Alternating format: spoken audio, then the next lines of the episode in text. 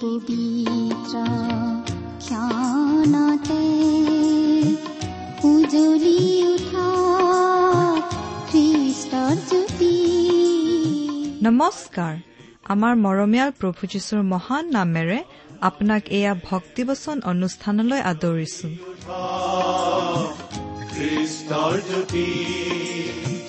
আকাশ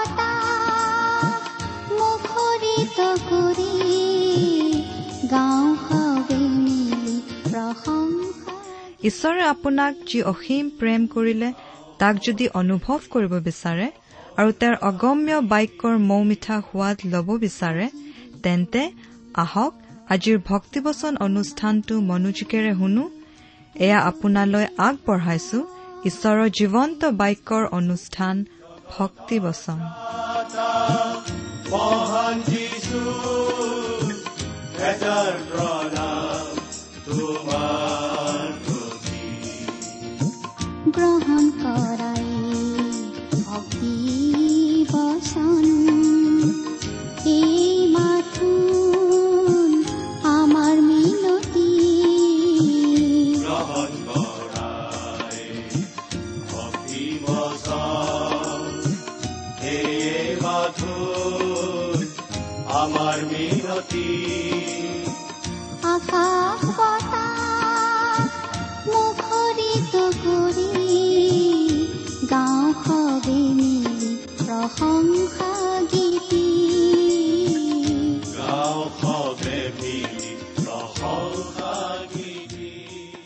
আমাৰ পৰম পবিত্ৰ প্ৰভু যীশুখ্ৰীষ্টৰ নামত নমস্কাৰ প্ৰিয় শ্ৰোতা। আশা কৰো মহান পিতা পৰমেশ্বৰৰ মহান অনুগ্ৰহত আপুনি ভালে কুশলে আছে। প্ৰিয় শ্ৰোতা আপুনি যে আমাৰ এই ভক্তিবচন অনুষ্ঠানটো শুনিছে তাৰ দ্বাৰা আচলতে ঈশ্বৰৰ প্ৰতি থকা আপোনাৰ শ্ৰদ্ধা ভক্তিৰ কথাই প্ৰকাশ পাইছে। সেই মহান ঈশ্বৰৰ মহান বাক্য বাইবেল শাস্ত্ৰৰ সহজ সৰল অধ্যয়নেই আমাৰ এই ভক্তিবচন অনুষ্ঠানটোৰ উদ্দেশ্য। এই অনুষ্ঠান শুনি আপুনি বাৰু কেনে পাইছে? আমালৈ অনুগ্ৰহ কৰি আপোনাৰ মতামত আদি জনাওকচোন চিঠিৰ যোগেৰে। আমাৰ ঠিকনা ভক্তিবচন টি ডব্লিউ আৰ ইণ্ডিয়া ডাক বাকচ নম্বৰ সাত শূন্য গুৱাহাটী সাত আঠ এক শূন্য শূন্য এক। ভক্তিবচন T W R India post box number seventy Guwahati seven eight one zero' zero' one. আমাৰ website W W W dot radio' eight eight two dot com প্ৰিয় শ্ৰোতা আপুনি বাৰু আমাৰ এই অনুষ্ঠানটো নিয়মিতভাৱে শুনি আছেনে? আমি বাৰু এতিয়া বাইবেলৰ কোনখন পুস্তকৰ অধ্যয়ন চলাই আছো? আপোনাৰ মনত আছেনে? আমি আজি ভালেমান দিন ধৰি বাইবেলৰ পুৰণি নিয়ম খণ্ডৰ জোনা ভাৱবাদীৰ পুস্তক নামৰ পুস্তকখন অধ্যয়ন কৰি আছো। নহয় জানো? যোৱা অনুষ্ঠানত আমি বাৰু কি আলোচনা কৰিছিলো? আপোনাৰ মনত আছেনে? যোৱা অনুষ্ঠানত আমি এই জোনা ভাৱবাদীৰ পুস্তকৰ তিনি নম্বৰ অধ্যায়ৰ শেষৰটো পদ পৰ্যন্ত আমাৰ আলোচনা আগবঢ়ালো। তাত আমি বিশেষভাৱে এই কথাটো পালো যে ঈশ্বৰৰ আদেশ পালন কৰি জোনা ভাৱবাদীয়ে নিনবী নগৰলৈ গৈ ঈশ্বৰৰ বাৰ্তা ঘোষণা কৰি কলে যে চল্লিছ দিনৰ পাছত সেই নগৰ ধ্বংস হ'ব। যদিহে তেওঁলোকে তেওঁলোকৰ মন পালটন নকৰে। জোনাৰ যোগেৰে ঈশ্বৰৰ সেই বাৰ্তা শুনি নিনবী নগৰৰ মানুহবোৰে সেই বাৰ্তা বিশ্বাস কৰিলে। তেওঁলোকে মন পালটন কৰিলে। তেওঁলোকে উপবাস দিলে। আনকি ৰজাৰ পৰা আদি কৰি সাধাৰণ প্ৰজালৈকে সকলোৱেই মন পালটন কৰি ঈশ্বৰৰ আগত কাটৰোক্তি কৰিলে। আজিৰ অধ্যয়নত আমি পুস্তকখনৰ শেষৰটো অধ্যায় অৰ্থাৎ চাৰি নম্বৰ অধ্যায়ৰ এক নম্বৰ পদৰ পৰা আমাৰ আলোচনা আৰম্ভ কৰিব খুজিছো। চাৰি নম্বৰ অধ্যায়ৰ এক নম্বৰ পদৰ পৰা তিনি নম্বৰ পদলৈকে আমি চাম। কিন্তু আমি আমাৰ অধ্যয়ন আৰম্ভ কৰাৰ আগতে আহকচোন সদায় কৰি অহাৰ নিচিনাকৈ আমি খন্তেক পৰম পিতা পৰমেশ্বৰৰ ওচৰত প্ৰাৰ্থনা জনাওঁ। আমি প্ৰাৰ্থনা কৰো।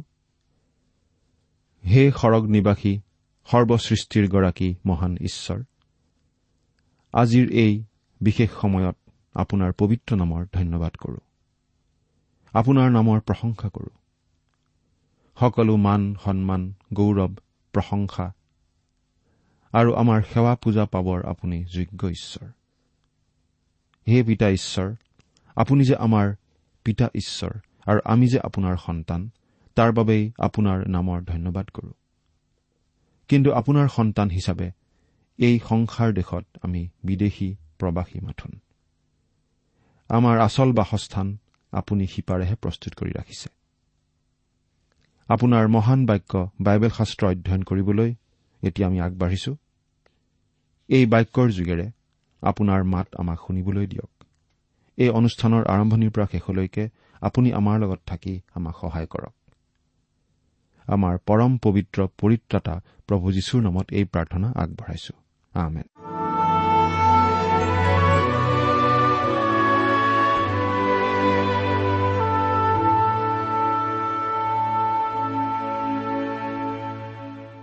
প্ৰিয় শ্ৰোতা আপোনাৰ লগত বাইবেল আছেনে বাৰু? যদিহে আছে তেতিয়াহ'লে পুৰণি নিয়মৰ জোনা ভাৱবাদীৰ পুস্তকখন মেলি লওক। আৰু যদিহে আপোনাৰ লগত বাইবেল নাই আমি পাঠ কৰি দিলে অনুগ্ৰহ কৰি মন দি শুনিব। আমি পাঠ কৰি দিব খুজিছো। জোনা ভাৱবাদীৰ পুস্তকৰ চাৰি নম্বৰ অধ্যায়ৰ এক নম্বৰ পদৰ পৰা একেবাৰে তিনি নম্বৰ পদলৈকে। ইয়াত আমি এনেদৰে পাওঁ কিন্তু ইয়াতে জোনাই অতিশয় বেজাৰ পালে আৰু ক্ৰুদ্ধ হ'ল। তেওঁ জিহুৱাৰ আগত প্ৰাৰ্থনা কৰি কলে হে জিহুৱা মই তোমাক মিনতি কৰো। মই নিজৰ দেশত থাকোঁতে সেইদৰে ভাবিছিলো নহয়নে? এইকাৰণে মই টৰ্চিছলৈ পলাবলৈ খৰ কৰিলো। কিয়নো মই জানিছিলো যে তুমি কৃপালু ঈশ্বৰ দয়াৰে পৰিপূৰ্ণ ক্ৰোধত ধীৰ দয়াত মহান আৰু অমংগলৰ পৰা মন পালতাওতা এই হেতুকে হে জিহুৱা মিনতি কৰো। মোৰ পৰা মোৰ প্ৰাণ লোৱা। কিয়নো মই জীয়াই থকাতকৈ মৰাই ভাল। প্ৰিয় শ্ৰোতা জোনা ভাৱবাদীৰ পুস্তকৰ এই চাৰি নম্বৰ অধ্যায়টো এটা ওপৰঞ্চি অধ্যায় যেনহে আমাৰ লাগে। কিয়নো আচলতে তিনি নম্বৰ অধ্যায়তেই মিছন সম্পূৰ্ণ হৈছে। আপুনি জানে যে এই পুস্তকখনত প্ৰত্যেক অধ্যায় অনুযায়ী সময় তালিকা প্ৰস্তুত কৰা হৈছে। জোনাৰ যাত্ৰা আৰম্ভ হয় ইছৰাইলৰ উত্তৰ ৰাজ্যৰ পৰা। আচলতে তেওঁৰ গন্তব্যস্থান আছিল নিনবী। কিন্তু তেওঁ সেই নিনবী গৈ পাবলৈ তিনিটা অধ্যায়লৈকে সময় ললে। কাৰণ তেওঁ টৰ্চিছলৈ ৰাওনা হৈ মাছৰ পেটত সোমাই দীঘলীয়া বাটেৰে সেই ঠাই আহি পাবলগীয়া হ'ল। কিন্তু তথাপি তেওঁ তেওঁৰ মিছন সম্পূৰ্ণ কৰিলে। আৰু সেই গোটেই নিনবী নগৰখনেই ঈশ্বৰলৈ ঘূৰিল মন পালটন কৰিলে। আৰু এনেকুৱা লাগে যেন তাতেই এই পুস্তকখনৰ সামৰণি পৰা উচিত আছিল। কিন্তু এতিয়া নিনবীৰ সমস্যা আৰু নাই। এতিয়া সমস্যাটো হ'ল জোনা ভাৱবাদী। এই জোনা আচলতে এজন সমস্যাৰ সৃষ্টি কৰা ব্যক্তি যেন আছিল। ঈশ্বৰৰ বিৰক্তি হৈছিল সেই অত্যাচাৰী নিষ্ঠুৰ দেওপূজক পাপীবোৰৰ সৈতে। কিন্তু তাতোকৈ বেছি বিৰক্তি হৈছিল জোনা ভাৱবাদী নামৰ সেই বিশ্বাসত পিছ হুহকা লোকজনৰ সৈতে। তেওঁ বাৰে বাৰে ঈশ্বৰক আমনি দিছিল। এতিয়া জোনাৰ গন্তব্যস্থান সলনি হ'ল। নিনবীৰ পৰা তেওঁ ঘূৰিল। তেওঁ নিনবী এৰিব বিচাৰিছে। আৰু আচলতে সেই নিনবী নগৰৰ পৰা ওলাই যাবলৈ পাই জোনা বৰ সুখী হৈছে। এতিয়া জোনাৰ গন্তব্যস্থান এজোপা এৰা গছ য'ত নিজৰ বাবে এখন্তেক বাঁহৰ পাতি তেওঁ থাকিব পাৰে।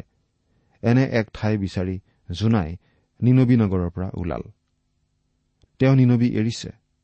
তেওঁৰ গন্তব্যস্থান নগৰৰ অলপ বাহিৰত। কিন্তু তেওঁ গৈ ঈশ্বৰৰ অন্তৰত উপস্থিত হ'ব। ঈশ্বৰৰ অন্তৰত গৈ পোৱাতকৈ আন কিবা ভাল ঠাই কাৰোবাৰ বাবে থাকিব পাৰেনে? আৰু জোনা গৈ আচলতে সেই ঠায়ে পাবগৈ ঈশ্বৰৰ অন্তৰ। ঈশ্বৰে জোনাক তেওঁৰ দৃষ্টিভংগী বুজাই তেওঁৰ মতত সমৰ্থন জনোৱাবলৈ আগবাঢ়িছে। এই অধ্যায়েই আমাক স্পষ্টকৈ দেখুৱাই দিব যে বাস্তৱিকতে ঈশ্বৰে কেতিয়াও আপোনাৰ মোৰ ইচ্ছাত জোৰকৈ হস্তক্ষেপ নকৰে। আমাৰ প্ৰত্যেকৰে নৈতিক স্বাধীনতা আছে আৰু ঈশ্বৰে আমাৰ ওপৰত জোৰকৈ একো মতামত জাপি নিদিয়ে। আচলতে ঈশ্বৰে স্বৰ্গ আৰু নৰক কঁপাই ক্ৰুচৰ পথেৰে আহি আপোনাৰ হৃদয়ত টুকুৰিয়াই থাকে। আপোনাৰ হৃদয় দুৱাৰত টুকুৰিয়াই। আপুনি সেই দুৱাৰ নুখোলালৈকে তেওঁ ভিতৰলৈ সোমাই নাহে। আৰু এইটো আমি জনা উচিত যে দুৱাৰখন আপুনি ভিতৰৰ পৰাই খুলিব লাগিব। তেওঁ আপোনাৰ দুৱাৰ কেতিয়াও নাভাঙে। তেওঁ কেতিয়াও ভিতৰলৈ ঠেলি সোমাই নাহিব।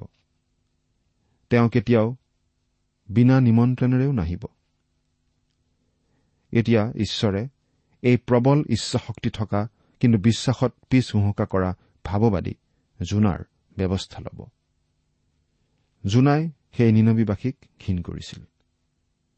এক নম্বৰ পদটোত আমি এইদৰে পাইছো কিন্তু ইয়াতে জোনাই অতিশয় বেজাৰ পালে আৰু ক্ৰুদ্ধ হল। জোনাই এনেই অলপমান বেজাৰ পোৱা নাই। তেওঁ অতিশয় বেজাৰ পালে। তেওঁ এনেই অলপ ক্ৰুদ্ধ হোৱা নাই। তেওঁ বৰ ক্ৰুদ্ধ হল। কিহৰ বাবে ক্ৰুদ্ধ হল বাৰু? কাৰণ নিনবী নগৰখন ঈশ্বৰলৈ ঘূৰিছিল। আৰু সেইটো তেওঁৰ পচন্দৰ কথা নাছিল। জোনাই ভাল পোৱা নাছিল সেই নিনবী নগৰ ঈশ্বৰলৈ ঘূৰাৰ বাবে। দুই নম্বৰ পদ। তেওঁ জিহুৱাৰ আগত প্ৰাৰ্থনা কৰি কলে হে জিহুৱা মই তোমাক মিনতি কৰো। মই নিজৰ দেশত থাকোতে সেইদৰে ভাবিছিলো নহয়নে? এইকাৰণে মই টৰ্চিছলৈ পলাবলৈ খৰ কৰিলো। কিয়নো মই জানিছিলো যে তুমি কৃপালু ঈশ্বৰ। দয়াৰে পৰিপূৰ্ণ ক্ৰোধত ধীৰ দয়াত মহান আৰু অমংগলৰ পৰা মন পালতাওতা তেওঁ জিহুৱাৰ আগত প্ৰাৰ্থনা কৰিলে। ইয়াৰ আগতে যেতিয়া জোনাই প্ৰাৰ্থনা কৰিছিল তেতিয়া বাৰু তেওঁ কত আছিল? তেতিয়া তেওঁ মাছৰ ভিতৰত সোমাবলৈ ধৰিছিল।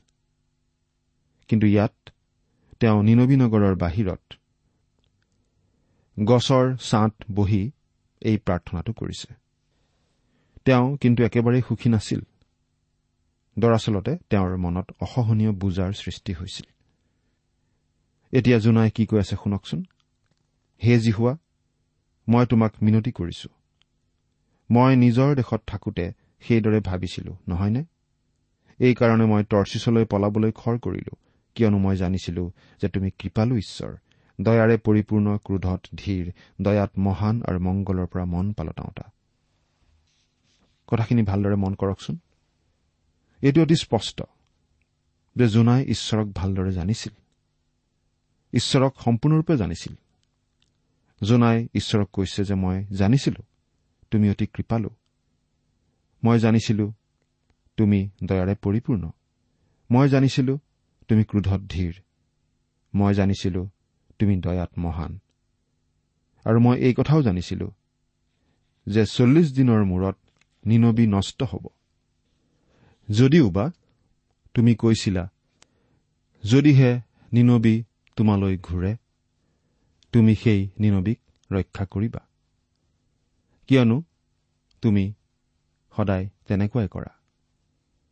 প্ৰিয় শ্ৰোতা জোনাই ঈশ্বৰক জানিছিল আৰু ঈশ্বৰক জানিয়েই তেওঁ কৈছিল নিনবীবাসীক মই ঘীন কৰো তেওঁলোকে ৰক্ষা পোৱাটো মই নিবিচাৰো।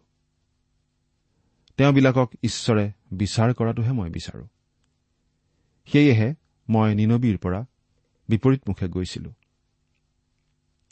জোনাই ভাবিছিল যে যদিহে সেই নিনবীবাসী লোকবিলাক ঈশ্বৰলৈ ঘূৰে ঈশ্বৰে তেওঁবিলাকক ক্ষমা কৰিব। তেওঁবিলাকক ৰক্ষা কৰিব। কাৰণ তেওঁ জানিছিল যে ঈশ্বৰ দয়ালু ঈশ্বৰ ক্ৰোধত ধীৰ দয়াত মহান। গতিকে তেওঁ এই কথা জানিছিল যে নিনবীবাসী ঈশ্বৰলৈ ঘূৰিলে ঈশ্বৰে তেওঁলোকক ক্ষমা কৰিব তেওঁলোকক ধ্বংস নকৰিব। সেইবাবেই নিনবীলৈ গৈ ঈশ্বৰৰ বাক্য ঘোষণা কৰিবলৈ তেওঁ ইচ্ছা কৰা নাছিল আৰু তেওঁ টৰ্চিছলৈ যাবলৈ আগবাঢ়িছিল। সেই কথা তেওঁ ঈশ্বৰক কৈ আছে তেওঁ কৈছে আপুনি কিন্তু সেই নিনবীবাসীৰ ওপৰত নিৰ্ভৰ কৰিব নোৱাৰিব সেই নিনবীৰ লোকবিলাকে হয়তো ভাল হোৱা বুলি বাহিৰে বাহিৰে দেখুৱাব পাৰে তেওঁলোকে হয়তো কবও পাৰে যে তেওঁলোক ঈশ্বৰলৈ ঘূৰিল কিন্তু আচলতে ভিতৰত তেওঁলোক পৰিৱৰ্তন নহবও পাৰে আকৌ আগৰ অৱস্থালৈ ঘূৰি যাব পাৰে সেই নিনবীৰ লোকবিলাক বিশ্বাসযোগ্য নহয় কিন্তু জোনাই এই কথাটো জানিব লাগিছিল যে ঈশ্বৰে তেওঁলোকৰ হৃদয়খন জানে। নিনবীবাসীৰ হৃদয়ৰ কথা ঈশ্বৰে নিশ্চয় জানিব। তেওঁলোক সঁচাকৈয়ে মন পালটন কৰা হয় নে নহয় সেই কথা ঈশ্বৰে নিশ্চয় জানিব। কিন্তু জোনাই জানিছিল ঈশ্বৰ কিমান কৃপালু কিমান ভাল আৰু কিমান দয়ালু। জোনা এতিয়া বৰ দূষিত আৰু ক্ৰুদ্ধ অৱস্থাত আছে। তেওঁ কি কৈছে? তিনি নম্বৰ পদত আমি চাওঁ এই হেতুকে হে যি হোৱা মিনতি কৰো মোৰ পৰা মোৰ প্ৰাণ লোৱা কিয়নো মই জীয়াই থকাতকৈ মৰাই ভাল।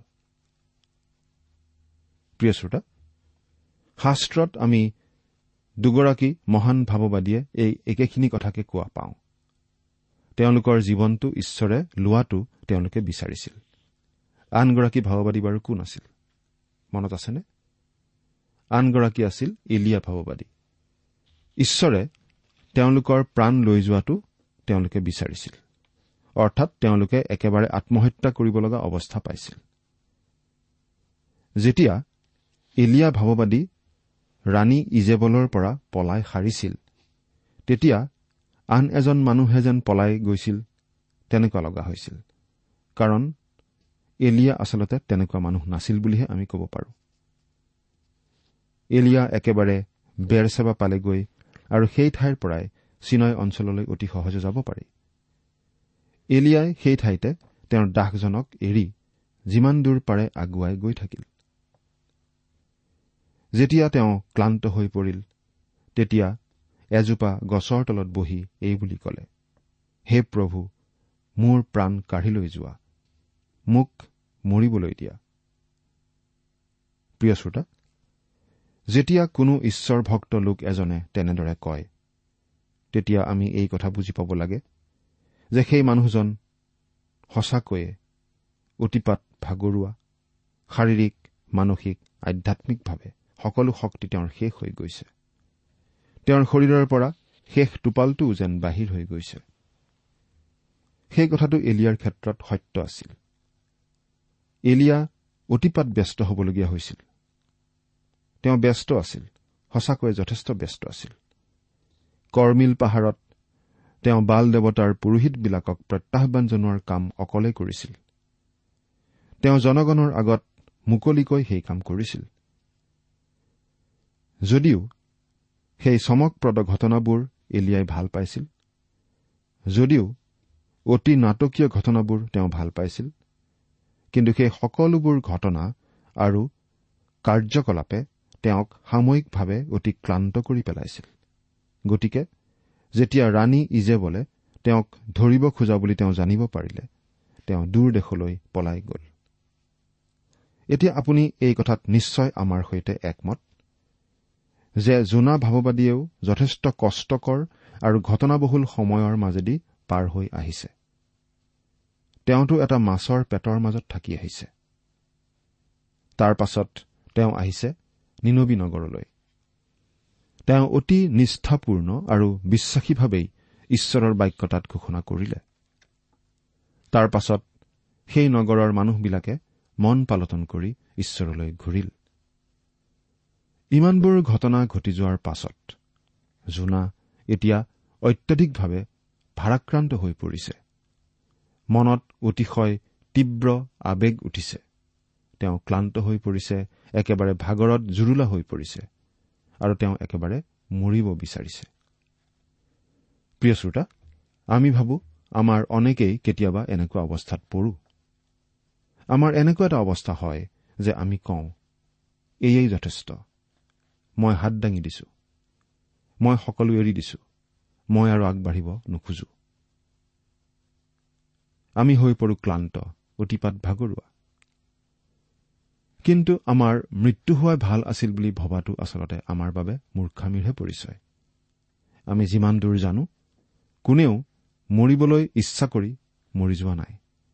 মানুহে কেঞ্চাৰত মৰে হৃদৰোগত মৰে আন আন বেমাৰত মৰে। কিন্তু মৰিবলৈ ইচ্ছা কৰাৰ বাবে নমৰে। জোনাই মৰিবলৈ ইচ্ছা কৰি সময়হে নষ্ট কৰি আছে। জোনাই নিনবীলৈ গৈ ঈশ্বৰৰ বাক্য বিলোৱাত নিনবীৰ মানুহবিলাকে সেই বাক্য গ্ৰহণ কৰি ঈশ্বৰত বিশ্বাস কৰিছিল। সেই কথাটো দেখি আচলতে জোনাৰ মনত আনন্দ হ'ব লাগিছিল। কিন্তু তেনেদৰে আনন্দ হোৱাৰ পৰিৱৰ্তে তেওঁৰ বেয়াহে লাগিছে আৰু তেওঁ ক্লান্ত হৈ পৰিছে আৰু তেওঁৰ মৃত্যু হোৱাই ভাল বুলি কৈছে। কি আচৰিত প্ৰচাৰক নহয়নে বাৰু? আচলতে নিনবীবাসীক তেওঁ অতিপাত ঘীন কৰাৰ বাবেই তেওঁ তেনেকুৱা কৰিছিল। কিন্তু আমি এটা কথা জানো যে জোনাই ঈশ্বৰক ভালদৰে জানিছিল। আপুনি বাৰু ঈশ্বৰক ভালদৰে জানেনে? তেওঁ যে কৃপালু ঈশ্বৰ তেওঁ যে আপোনাক কৃপা কৰে তেওঁ যে আপোনাক দয়া কৰে তেওঁ যে আপোনাৰ ওপৰত সদায় ক্ৰোধ নাৰাখে তেওঁ যে দয়াত কিমান মহান মন পালটন কৰা পাপীক আঁকোৱালি ল'বলৈ সদায় প্ৰস্তুত ঈশ্বৰ এই কথাবোৰ আপুনি বাৰু জানেনে? আপুনি বাৰু এই কথা মনত ৰাখেনে? কোনো মানুহ নষ্ট হোৱাটো তেওঁ নিবিচাৰে। নতুন নিয়মত প্ৰভু যীশুৱে দিয়া এটা দৃষ্টান্ত আমি পাওঁ। সেই দৃষ্টান্তত এজন লোকে নিজৰ দ্ৰাক্ষাবাৰীত কামত লগাবলৈ অতি ৰাতিপুৱাতে বনোৱাবিলাকক বিচাৰি ওলাই যায়। পাছে তেওঁ আধলিকৈ দিবলৈ বনোৱাবিলাকৰ সৈতে বন্দবস্ত কৰি সিহঁতক তেওঁৰ দ্ৰাক্ষাবাৰীলৈ পঠিয়ালে। নমান বজাত আকৌ এনেই থিয় হৈ থকা আন কিছুমান মানুহক দেখি সেইবোৰকো তেওঁ নিজৰ দ্ৰাক্ষাবাৰীলৈ পঠিয়াই দিয়ে। আকৌ বাৰমান বজাত আৰু তিনিমান বজাত আকৌ ওলাই গৈ সেই একেই আগৰ দৰেই মানুহ কিছুমান পাই দ্ৰাক্ষাবাৰীলৈ পঠিয়ালে।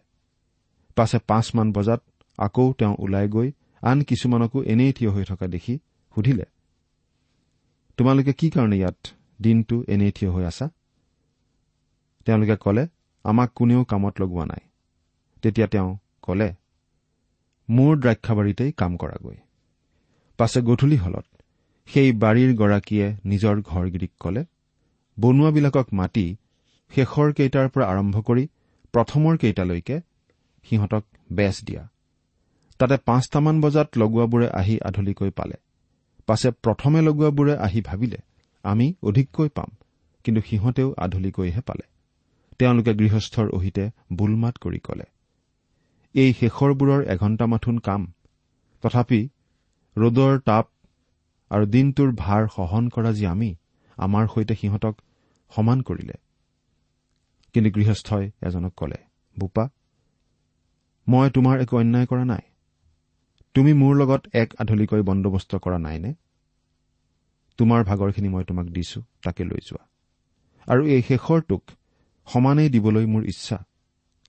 মই নিজৰ বস্তুৰে নিজৰ ইচ্ছামতে যি খুচি তাকে কৰিব নোৱাৰোনে বাৰু? বা মই বেলেগৰ উপকাৰ কৰা দেখি তোমাৰ বাৰু চকু পৰিছে নেকি? প্ৰিয় শ্ৰোতা সেই নিনবীবাসীক জোনাই অতিপাত ঘীন কৰিছিল। কিন্তু সেই নিনবীবাসীক দয়া কৰাৰ সম্পূৰ্ণ অধিকাৰ ঈশ্বৰৰ আছে। জোনাই বেয়া পালেও নিনবীবাসীক কিন্তু ঈশ্বৰে বেয়া নাপায়। বেয়া পোৱা নাছিল। আৰু সেয়েহে নিনবীবাসীয়ে মন পালটন কৰাৰ বাবে জোনাই অন্তৰত বেজাৰ পালেও লাভ নাই। কিয়নো ঈশ্বৰে নিনবীবাসীক প্ৰেম কৰে আৰু তেওঁলোকে মন পালটন কৰাৰ বাবে তেওঁলোকক ক্ষমা কৰিছে। প্ৰিয় শ্ৰোতা আমি আমাৰ দৃষ্টিভংগীৰে নহয় কিন্তু ঈশ্বৰৰ দৃষ্টিভংগীৰে কথাবোৰ চাবলৈ শিকিব লাগে। সকলো মানুহকেই তেওঁ প্ৰেম কৰে। সকলো মানুহেই তেওঁলৈ আহি পৰিত্ৰাণ পোৱাটো তেওঁ বিচাৰে। সেই কৰোণাময় সেই দয়ালু সেই অনুগ্ৰহশীল ঈশ্বৰক আপুনি বাৰু ভালদৰে চিনি পায়নে? চিন্তা কৰি চাওকচোন। ঈশ্বৰে আপোনাক আশীৰ্বাদ কৰক। আমেন।